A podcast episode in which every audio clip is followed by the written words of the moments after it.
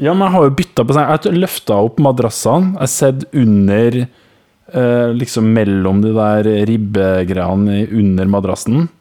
Jeg har sett bak senga. Det jeg ikke har gjort, jeg ikke jekka opp senga og sett om den kan ligge liksom Men jeg tror ikke den kan det.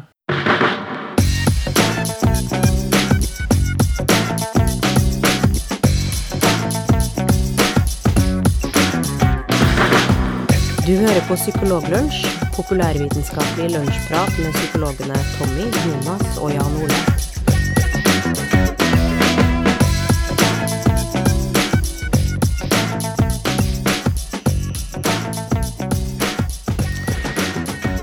Ja Velkommen til et uh, nytt opptak uh, av uh, Psykologlunsj. Det er det er det tredje opptaket på omtrent en uke, eller noe sånt. Uh, som er helt uhørt, faktisk.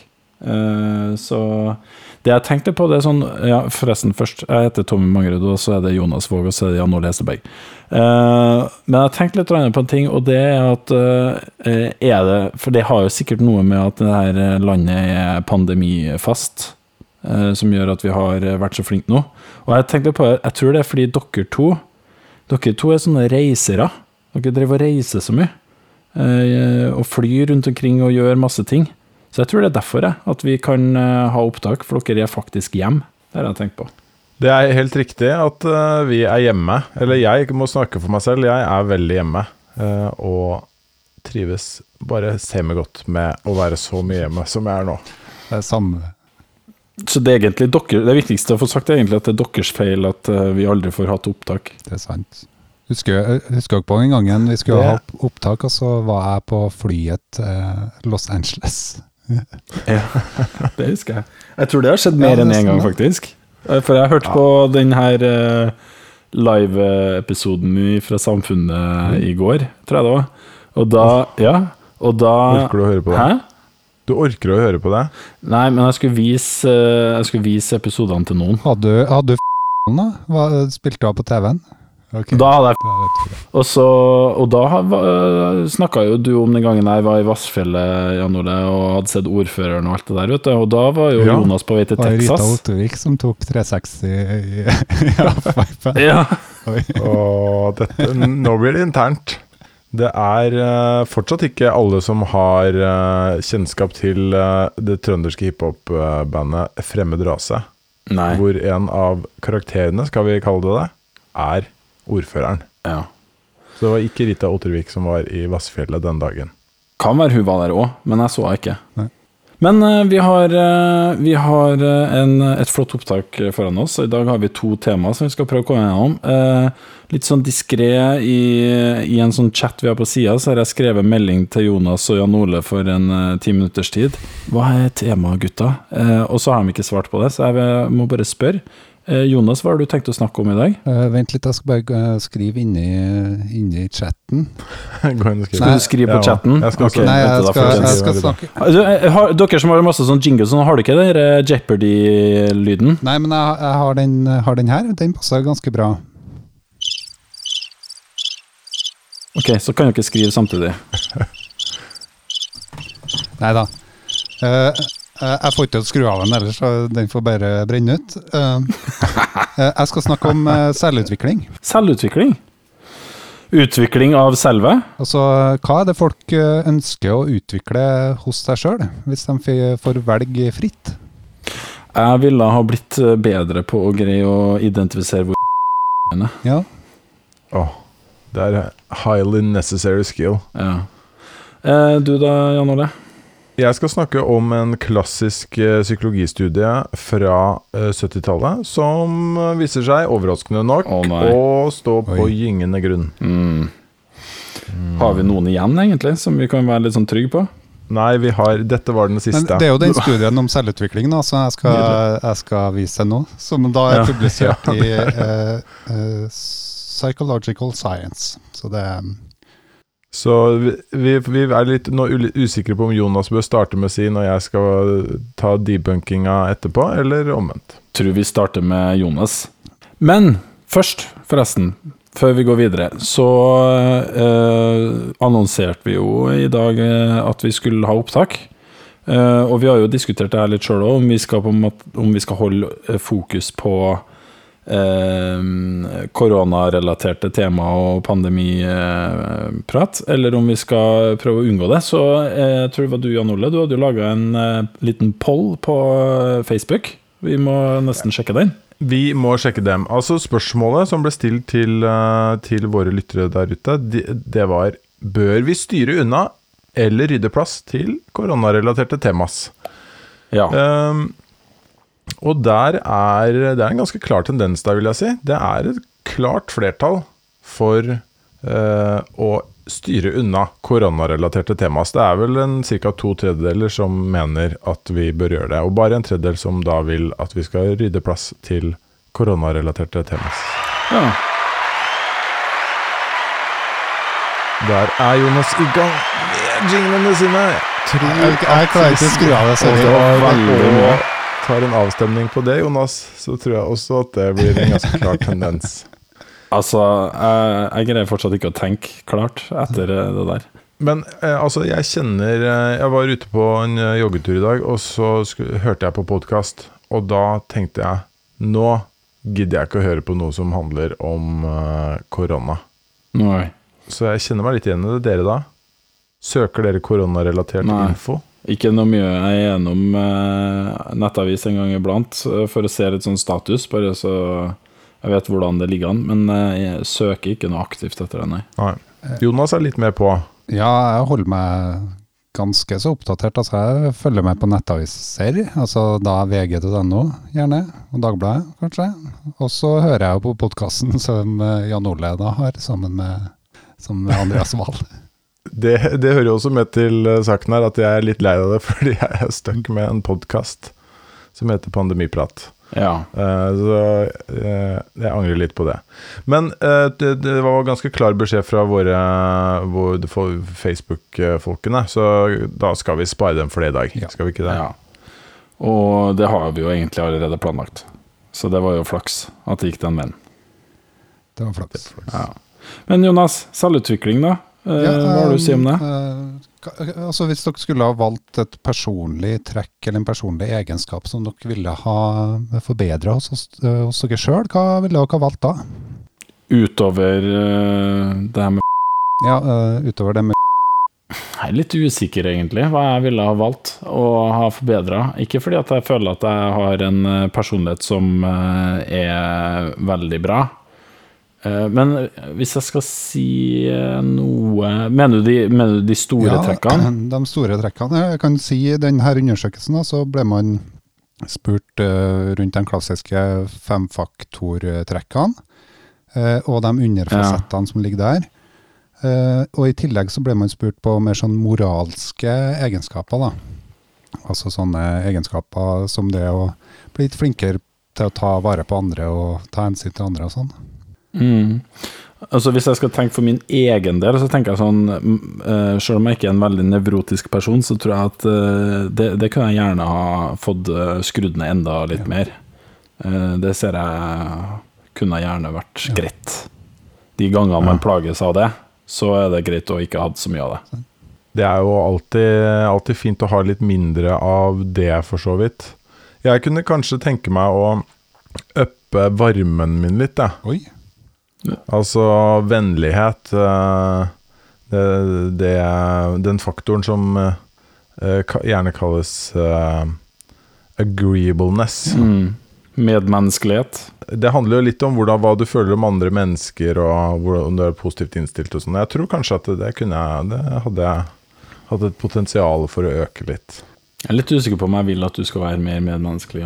Oi, det, det her er interessant. Det her er veldig interessant. Da, da kan jeg presentere, presentere studien. Altså. Uh, det her er en studie som ble uh, publisert eh, nå nettopp, med teksten 'Do people want to be more moral?'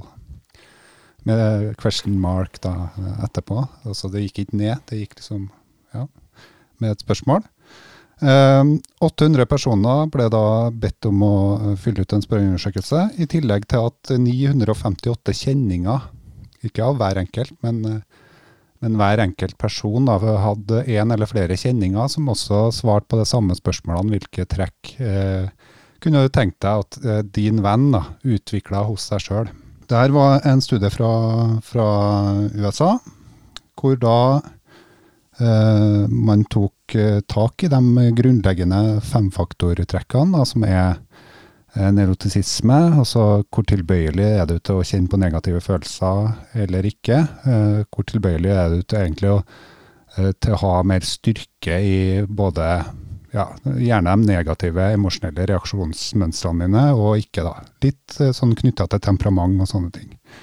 Ekstroversjon, som da går på om hvorvidt du liker at ting skjer rundt deg, eller om at du trives bedre med mindre impulser rundt deg, eh, mer i eget selskap. Åpenhet for nye erfaringer, som da handler om interesse for nye ting, kontra det å være mer tradisjonsbevisst.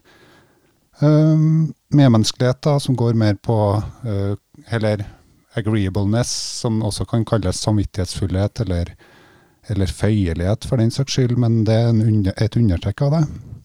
Uh, der uh, det går ut på om hvorvidt du er samarbeidsorientert kontra mer konkurranseorientert, kanskje. Og så har du planmessighet, altså hvor god er du til å lage struktur uh, og følge den strukturen i livet ditt, kontra det å være, altså slite litt med å opprettholde struktur, da. Uh, og de 800 syklene ble spurt om uh, hva vil du utvikle med det, men i tillegg så tok de med et annet mål. Og det var mål som gikk på mer moralsk, moralske egenskaper. Uh, som blant annet da, hvor det var spørsmål rundt om hvorvidt du ønsker å være hjelpsom og uselvisk overfor andre. Um, når da eh, de 800 syklene ble spurt om hva, hva vil jeg utvikle med meg sjøl, eh, så var det overraskende nok eh, som oftest det at man ville redusere nevrotisisme. Altså det Mm. eh, kjenn, Det å ikke kjenne på så mye engstelige følelser eller engstelige tanker, og heller ikke ha så mye depressive tanker eller følelser. Men du sier, du sier overraskende nok, eh, Jonas. Syns, var det overraskende? Nei, det var ikke så overraskende. Nei, ok. Det var, Det- du, det var det- Det viser andre studier, og det, det samsvarer jo med det Tommy sier. Um, uh, fleste, så, så majoriteten ønska egentlig å redusere ubehagelige trekk hos seg sjøl, da. Eh, og så var det Mm. var, også hvis, man, eh, hvis det var ikke det, så ville man eh, kanskje fremme de trekkene ved seg sjøl, sånn som eh, ekstroversjon. da. Det å være mer eh, spontan, det å, det å trives mer i store sosiale lag, og det å også ta litt mer sjanser, kanskje. Det som kom på desidert sisteplass, eh, det var moralske egenskaper hos deg sjøl.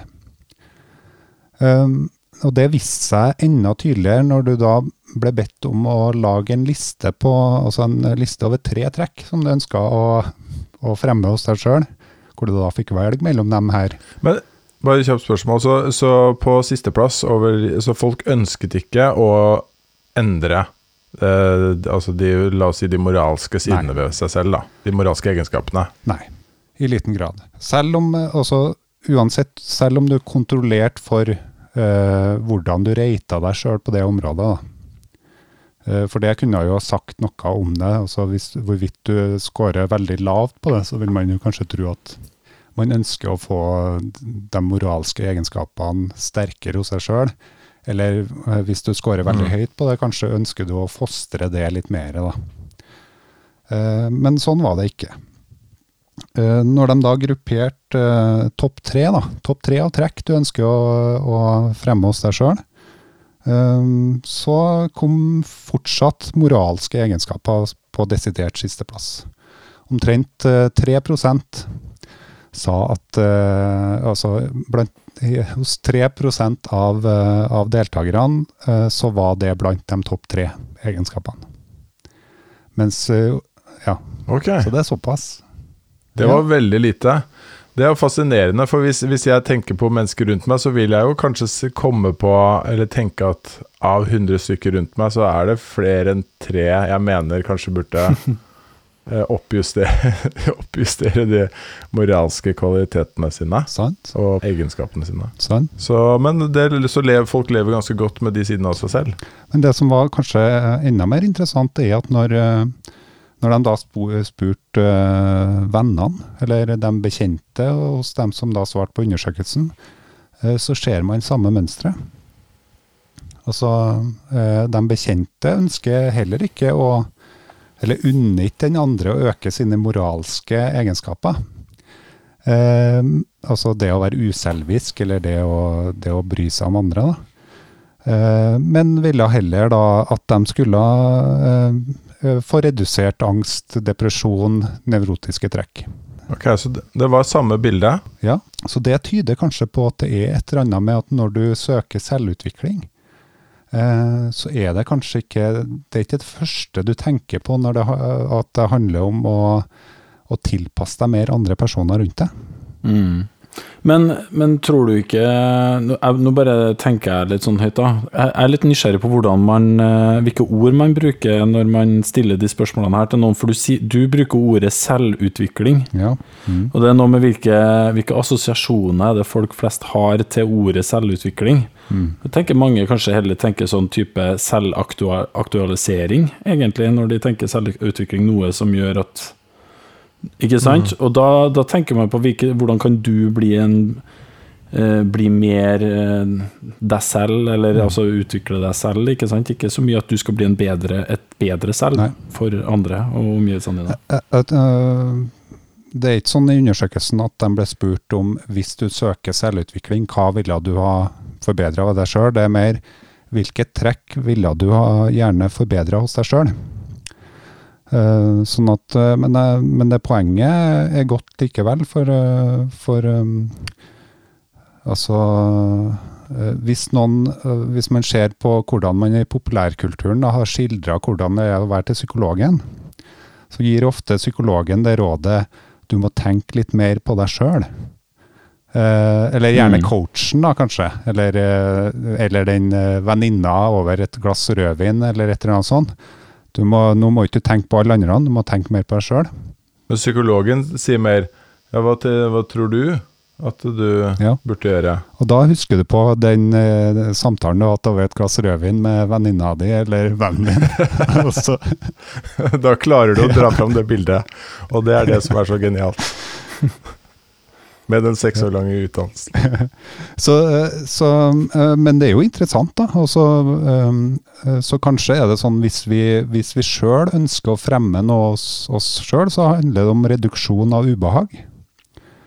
Eh, fremfor da kanskje å tenke «Å, ok, jeg lar ubehaget få lov til å være der, og så skal jeg være en, en person som passer på at de folkene rundt meg også har det bra. Men eh, det, det, er, for, eh, det er jo kjempeinteressant. Altså, eh, det å redusere nevrotisisme er jo som du sier, det handler om å redusere Mm. eget ubehag. Så du kan jo på en måte si at det er en litt sånn egoistisk forbedring av deg selv, da. Hvis man skal sette det på spissen. ikke sant? Du, det ikke, du tenker ikke så mye på andre nødvendigvis, men du tenker på litt sånn ubehaget i deg selv. Eh, men hva, hva er det forfatteren av denne studien tenker er motivasjonen til de som svarer på vegne av eh, bekjentskapene sine, altså vennene sine? Når de sier jeg skulle ønske, jeg skulle ønske at Tommy hadde eh, var skårte, kom litt lavere på nevrotisisme, hva, hva tenker de er motivasjonen til disse vennene? Er det det at de er drittlei av å forholde seg til de nevrotiske vennene sine? Eller er det det at de unner dem å være mindre nervøs? Eh, eh, Forfatterne konkluderer at det er noe positive signal i det, da, at de unner dem eh, å få det bedre med seg sjøl. Mm. Så det kan jo hende at uh, altså en, en positiv vinkling av det her kan jo handle mer om at uh, kanskje har flere av deltakerne i studiene, i studien en grunnleggende egenskap med at de faktisk bryr seg litt om andre rundt seg, men man ser at det, det er plagsomt. da. Og så vil eller at, eh, at det andre aspekter i livene til dem man eh, undersøker, som, eh, som handler om at de, man ser at de har ubehag. Og man ønsker gjerne unne den andre å få redusert det ubehaget. Det, eh, det er i hvert fall det de eh, diskuterer i diskusjonsdelen i artikkelen. For et trivelig funn. Ganske trivelig, og trivelig for oss. For det, Ja, det er det. trivelig for ø, yrkesstanden ved psykologer. For det er, jo, det er jo på en måte det vi driver på med, ikke det? Ja, ja, ja. Men så kan du også tenke at ø, hvem har det moralske ansvaret? da? Er det, mm, altså Outsourcer vi det til staten, på et vis? Det er staten som skal ta vare på alle sammen. Uh, mens hver enkelt skal få lov til å ha det greit med seg sjøl. Skjønte dere det? Poeng? Mm. Mm, ikke helt. Men det jeg hørte staten og hvem skal ha ansvaret og sånn. Og da tenkte jeg at du løfta den opp Ja, åtte ja hakk. men for, for det tenker jeg i hvert fall med meg sjøl. Jeg, jeg er jo en eh, person som, eh, som betaler min skatt og syns at det er veldig ålreit. Uh, og det gjør jeg ut ifra at jeg vet at hvis jeg skulle ha fordelt de pengene når de kommer inn på boka mi, uten at de blir tatt fra meg med en gang, så vet jeg at jeg ikke nødvendigvis har tatt de valgene som handler om å om, Da, da hadde jeg gått og, og sikla på den nye mobiltelefonen, eller eh, altså de valgene som handler om egen eh, økning av egen velstand, da, på et vis. Eh, mens mm. det er helt greit hvis det blir tatt fra meg, og så fordelt til andre som trenger det. Mm. Men please ikke komme innom huset mitt og ta, ta fra meg tingene som jeg kjøper meg. Ikke av tingene. Ja, og så kanskje liksom noen kommer inn i huset ditt, og så tar de din. Sant? Ja. Hvor er den Jeg vet ikke hvor den er. Den er borte. Har du sett um, Altså Du sa du har sett i kjøleskapet, men har du sett i andre Altså i skap, matskap og sånne, sånne lignende ting? Jeg vet ikke hvor den er. Har du sett i lomma di? Ja, jeg har faktisk gått gjennom de klærne jeg hadde på tidligere i dag. Så om den var oppi der. Men uh, altså uh, Har du prøvd sånn memo? Altså sånn memo? ja, memoteknikken. At du, Ja. at du, når ja. du altså, For det er i hvert fall veldig lurt når du skal huske ting, at du lager deg et hus liksom, som du sånn mentalt ser for deg. Så kan, Et palass, et hukommelsespalass. så kan du plassere Men det er litt sent nå, Jonas. Det, er litt, det funker ikke å så lage det etter at du har glemt noe. Kan ikke du bare plassere den et sted? Men Så, så plasserer du på sofaen ute i stua, og så ser du der etterpå. Men vet du ikke hva, da? Skal jeg fortelle dere en ting? Det siste jeg så på TV-en før eh, jeg mista Det var Interstellar, som jeg så på nytt igjen, som en film jeg liker veldig godt. Mm. Og i den filmen så drar jo han liksom gjennom et sånn sånn svart hull, og reiser liksom gjennom forskjellige dimensjoner og gjennom tid og sånn. Spoiler alert. Ja, det var kanskje dumt, men hvis du ikke har sett den inne nå, så ja, i hvert fall. Så jeg tenker kanskje jeg kunne ha gjort det, og så kunne jeg ha dratt tilbake igjen til litt tidligere i dag, og så kunne jeg sett hvor den ble av. Og så Det er så Ja, altså, det skal ikke mer til enn et mistet og så knekker vi den der koden, uh, gåten, og hvordan vi reiser i tid. Det skal ikke mer motivasjon til for å få løst det greiene der. Skal vi, skal vi uh, ikke snakke mer om Jeg kan ikke love det. Og så Jeg, skal, jeg kan ikke love det. Nei, men ikke akkurat nå. Vi kan spare det til senere. senere. Hadde du mer å si om eh, selvutvikling? Eh, nei, jeg har ikke det, men jeg håper jo virkelig at du finner din. Og så syns jeg egentlig det var ganske vakkert at uh, altså, For vi unner jo deg virkelig å, å finne den. eh. Ja. Uh, Ja. Jeg kan Jeg lover at jeg kan prøve å liksom oppdatere folk om det. Ja. Ja. I episodene vi tar framover. Vi lover å poste på Face hvis, uh, hvis, Hvis opp Tommy finner sin. Eh, Og også hvis han ikke finner den. Ja. Ok. Uh, Jan Ole, Ja, hadde du noe du ville dele med oss og, om Jeg har det. Jeg har noe jeg vil dele med dere. Og det er, det er en klassisk studie. Så jeg tror vi har nok snakket om den her før også. Men det er verdt å snakke om den igjen. Husker dere Rosenhan-studien? Ja. ja. Den eh, husker du eh, kanskje ikke krystallklart, men du husker den. Den er jo en fast Det er en gjenganger i eh, introduksjonsbøkene i psykologi. ja. David Rosenhan ved Stanford eh, University, han mellom 1969 og 1972 så gjennomførte han eh, et eksperiment der han sendte tolv eh, forskjellige eh, Ikke studenter, men eh, personer inn i psykiatriske sykehus i, eh, rundt i USA, i fem forskjellige stater. Eh, og så eh, ble eh, De fikk beskjed om å, å, spille ut de samme symptomene. De fikk beskjed om å si at de hørte stemmer, eh, og at de skulle oppføre seg på en bestemt eh, måte, da. Eh, av de tolv så ble elleve diagnostisert med schizofreni. Det betyr at de ble vurdert å være psykotiske. Mm. Og så var det en som ble diagnostisert med manisk depresjon.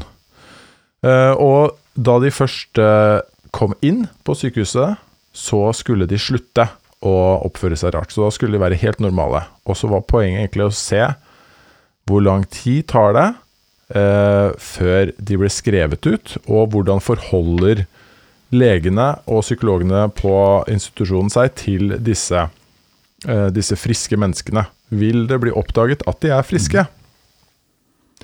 Eh, og denne saken ble jo denne ble kjempekjent. Den studien ble publisert i Science.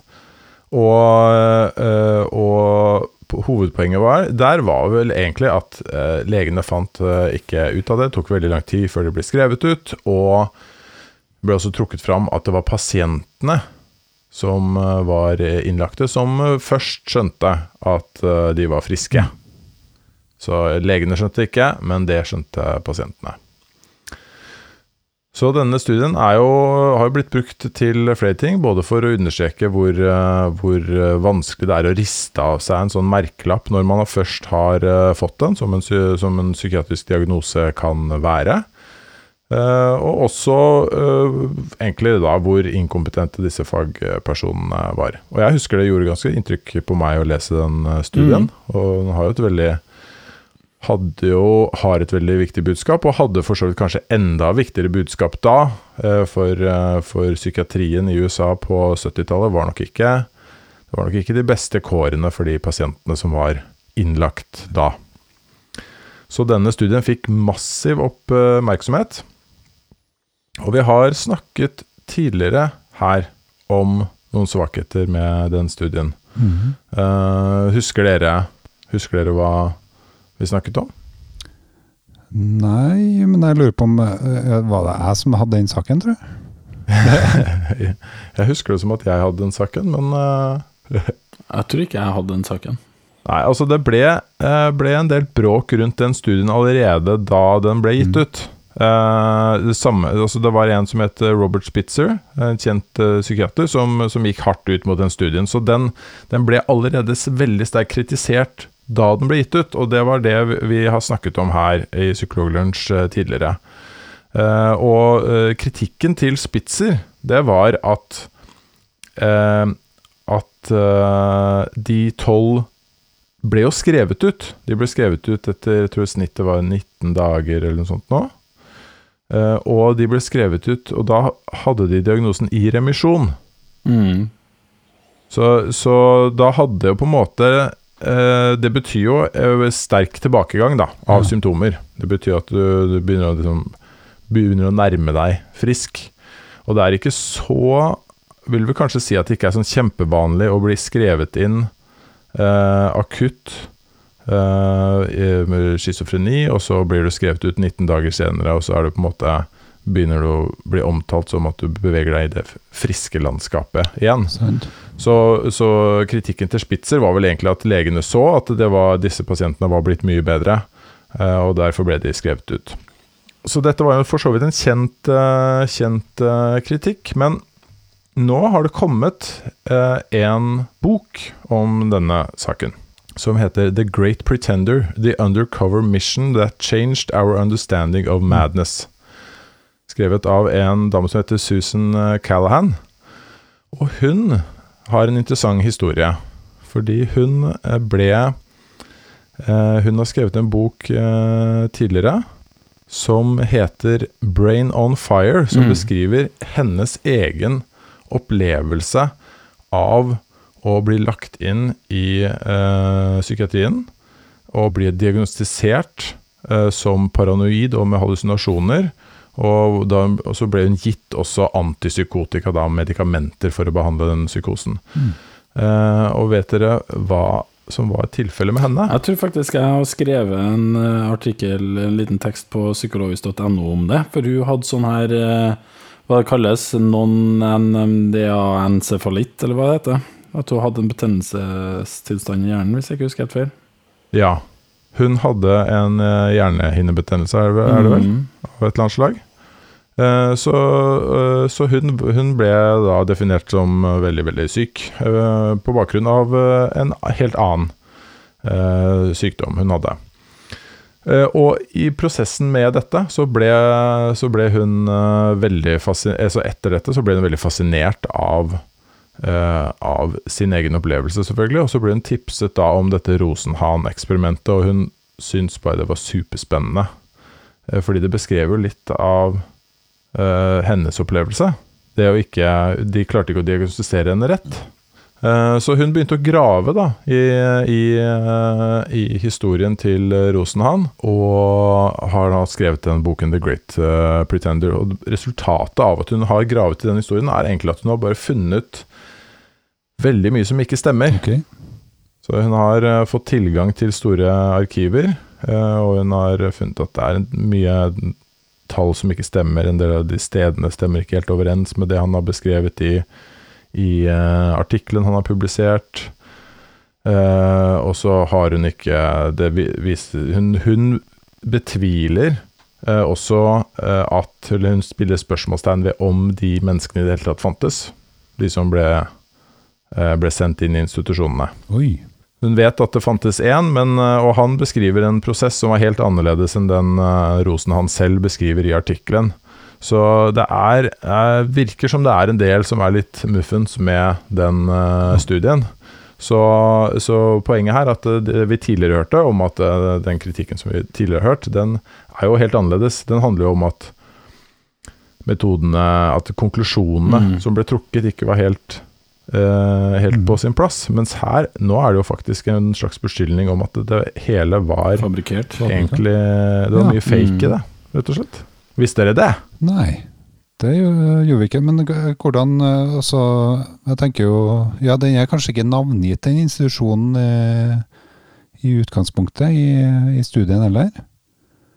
Det var jo flere. Ja. Det var mange. Ja, sant. Så da kan du, da kan du på mange måter eh, komme deg unna der, ja. Men, eh, Men men, det, er- han, det han har gjort, er at han har, i artikkelen så har han beskrevet en del trekk ved de institusjonene, og så leser, har hun fått tilgang til notatene hans, Mm. og så er det ingen av de som stemmer overens med det som, med det som beskrives i artikkelen, da. men eh, eh, er dere kjent med at det her har blitt forsøkt replikert på noen måte? Fordi det burde jo egentlig kunne la seg gjøre, egentlig. Ja, det burde jo det. Det er, det er et godt spørsmål. Det har, det har vært gjort før det, med litt, litt sånn mindre kontrollert uh, ramme, da. Som også beskrives i den, uh, den boken. Men det er jo jeg, jeg føler jo på en måte at det ikke- det ville jo ikke vært så rart om man fikk de resultatene. Eller hva tenker dere? Jeg tenker jo at en god del av den diagnostikken vi gjør Nå snakker vi jo som regel med pasienten, først og fremst. Da. Det er jo pasienten som er hovedinformanten. Men ofte så er det jo en del historiske data som vi bruker for å prøve å avgjøre hva det er som er i veien med folk. Vi spør jo om eh, barndommen og oppveksten og, og alt mulig som har skjedd tidligere osv. Så, videre. Eh, så det er jo ikke alltid at det er her og nå-bildet du ser akkurat foran deg, som er grunnlaget til en god del diagnoser, i hvert fall. Noen av de er det jo mer viktig hva det er som står på akkurat her og nå. Og så er det jo med noen av de her mer alvorlige lidelsene, da, som sch- schizofreni og så videre, så er det jo av og til også eh, kan være nyttig å ha input fra omgivelsene, ikke bare hva pasienten sjøl sier. Eller, eh, eller hvis det er Eh, ja, det kan være andre lidelser også. Eh, så det, det trenger ikke å være så rett frem at man bare fordi du ser og virker helt normal akkurat nå, så, så har du aldri hatt en diagnose, på en måte. Det er jo ikke sånn det. Og, og en annen ting er jo litt det du sier, Jan Ole. Det her med de aller fleste, fikk jeg inntrykk av, eller veldig mange i hvert fall, av de som var, ble innlagt da jeg jobba på akuttpost, eh, eh, var jo innlagt fordi de var i en eller annen eh, ekstrem krise der og da. Og det trengte ikke nødvendigvis å være en psykiatrisk lidelse. Uh, noen ganger var det det, men, eller en god del ganger så var det det, men det trengte ikke å være det. Og, og, og folk uh, hadde behov for å være på aku- akuttpost for å rett og slett få trygge rammer til å lande litt, da. Eh, og bli seg sjøl igjen. Og ble det også ganske fort, med en gang de fikk de rammene rundt seg. Og ble skrevet ut etter noen dager med med typ i remisjondiagnose eller eh, belastningslidelse eller altså en eller annen type tilpasningsforstyrrelse eller noe som har på en måte som må kodes, da, men som ikke er en alvorlig psykisk lidelse. Nei, jeg er helt, eh, helt enig. Så det er jo det er på, måte, på mange måter så er jo disse, de resultatene han fikk, og det budskapet som kom ut av det, det tror jeg Det håper jeg liksom ikke eh, Selv om åpenbart metoden var en del svakheter ved det, og kanskje til og med en del uh, juks her, så, så er det nok det budskapet, vil nok jeg hevde er fortsatt ganske eh, sant. da Mm. vi vet jo at øh, for det første at sånne vurderinger vil øh, varierer veldig. Vi vet at man blir farget av førsteinntrykket, Mm. og at den informasjonen man har foran seg Vi har snakket ofte om confirmation bias her, f.eks. Uh, og så er det som du sier, Tommy, det er masse, masse ved den situasjonen også som gjør at det kanskje er litt sånn rett og slett naturlig at forløpet ble sånn som det ble.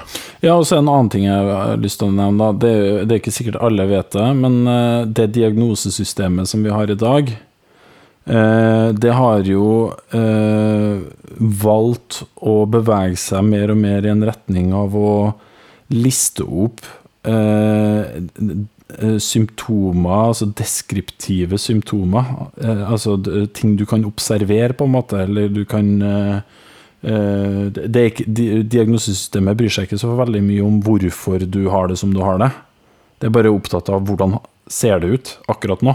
Eh, Så for depresjon ikke sant, så er man opptatt av om du har vært nedfor eh, og deprimert eller nedstemt da, i nesten hver dag i minst to uker, eller at du har søvnvansker, eller at du eh, beveger deg saktere enn normalt osv. Det er sånne typer symptom. Og det er, jo, det er jo en liten svakhet og en liten utfordring i diagnosesystemet, og den såkalte inter... Selv om man da velger en sånn type deskriptivt en deskriptiv vinkling, hvor det egentlig skal gjøre det litt lettere for folk å komme fram til den samme diagnosen når to ulike fagfolk har den samme pasienten foran seg, så er inter, såkalt interrater-reliabiliteten ganske dårlig.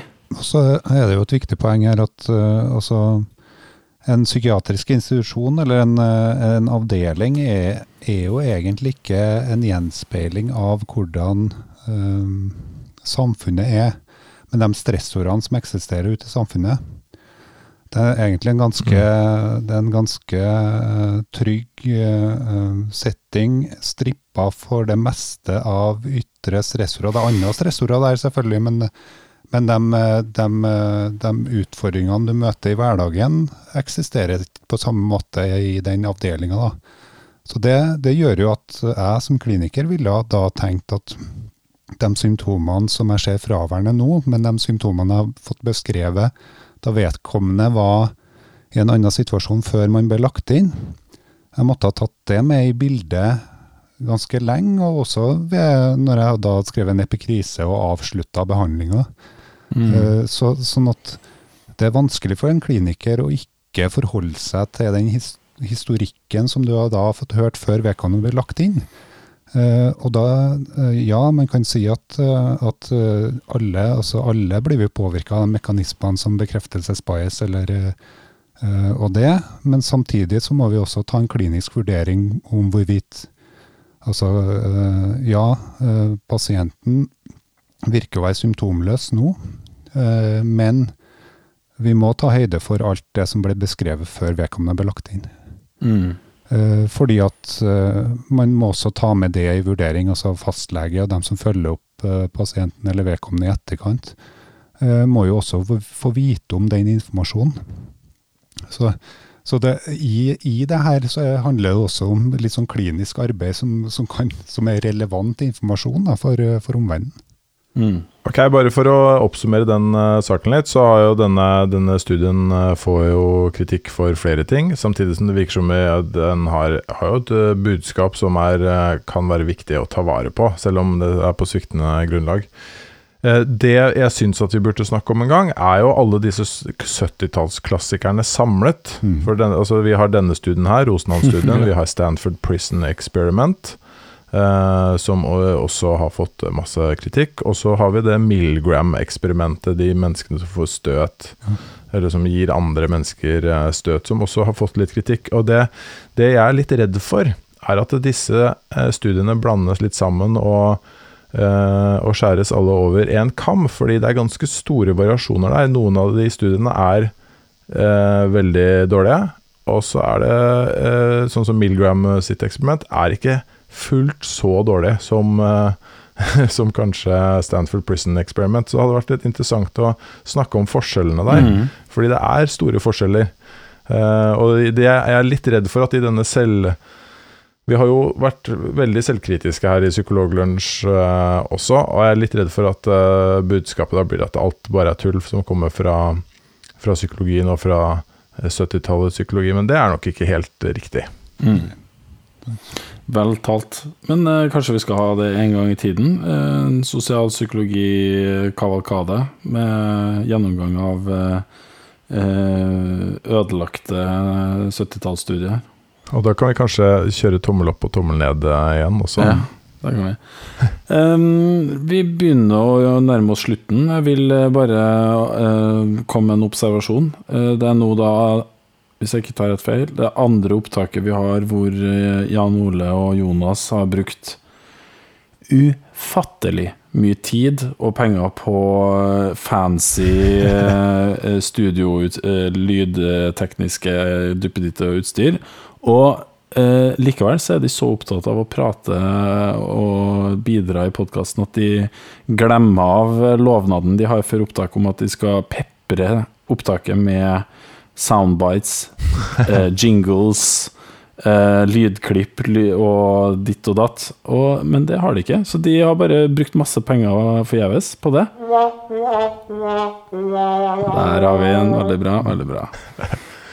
Men Tommy, før du runder av nå, så har jeg hatt forslag Ja. eh, når jeg har fått denne maskinen. For jeg hørte på forrige episode, bare slutten av forrige episode eh, av Psykologlunsj. Og det som slår meg da, at da kommer en outro. Ja. Vi spiller en outro som er eh, dramatisk foreldet. For det første så er det jo sånn at på, på introen så snakker min kone, men på outroen så snakker din ekskone. ja. Eh, så så det, det kan vi kanskje er på tide å kvitte seg med. For det andre så snakker hun om Hun sier eh, 'gå på tankesmed.no', finnes jo ikke lenger, ja, det er sant. eh, for eksempel. Så mitt forslag nå er at eh, vi kutter den eh, outroen, og så trykker jeg på knappen her nå og spiller uh, jinglen, og så snakker en av oss outroen på toppen av det. On the fly. Og at det blir en ny tradisjon. Uh, kan jeg få en påminner først om hva, litt mer om hva den outroen egentlig handler om? For det har jeg helt glemt av. Det er mye morsommere at du ikke vet det. Det er mye morsommere at du ikke vet Det er kjempebra. Ok, da foreslår jeg Jonas starter. Jeg kan, jeg, jeg kan, skal du ta den? Skal jeg ta den?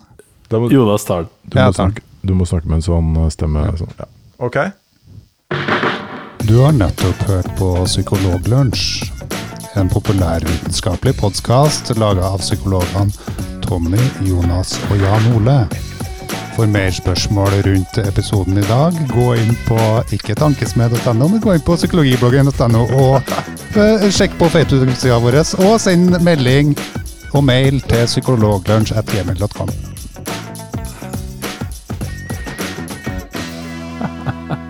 Ja, herlig. Det ble akkurat den samme, det, sikkert. Det er veldig mye informasjon i det.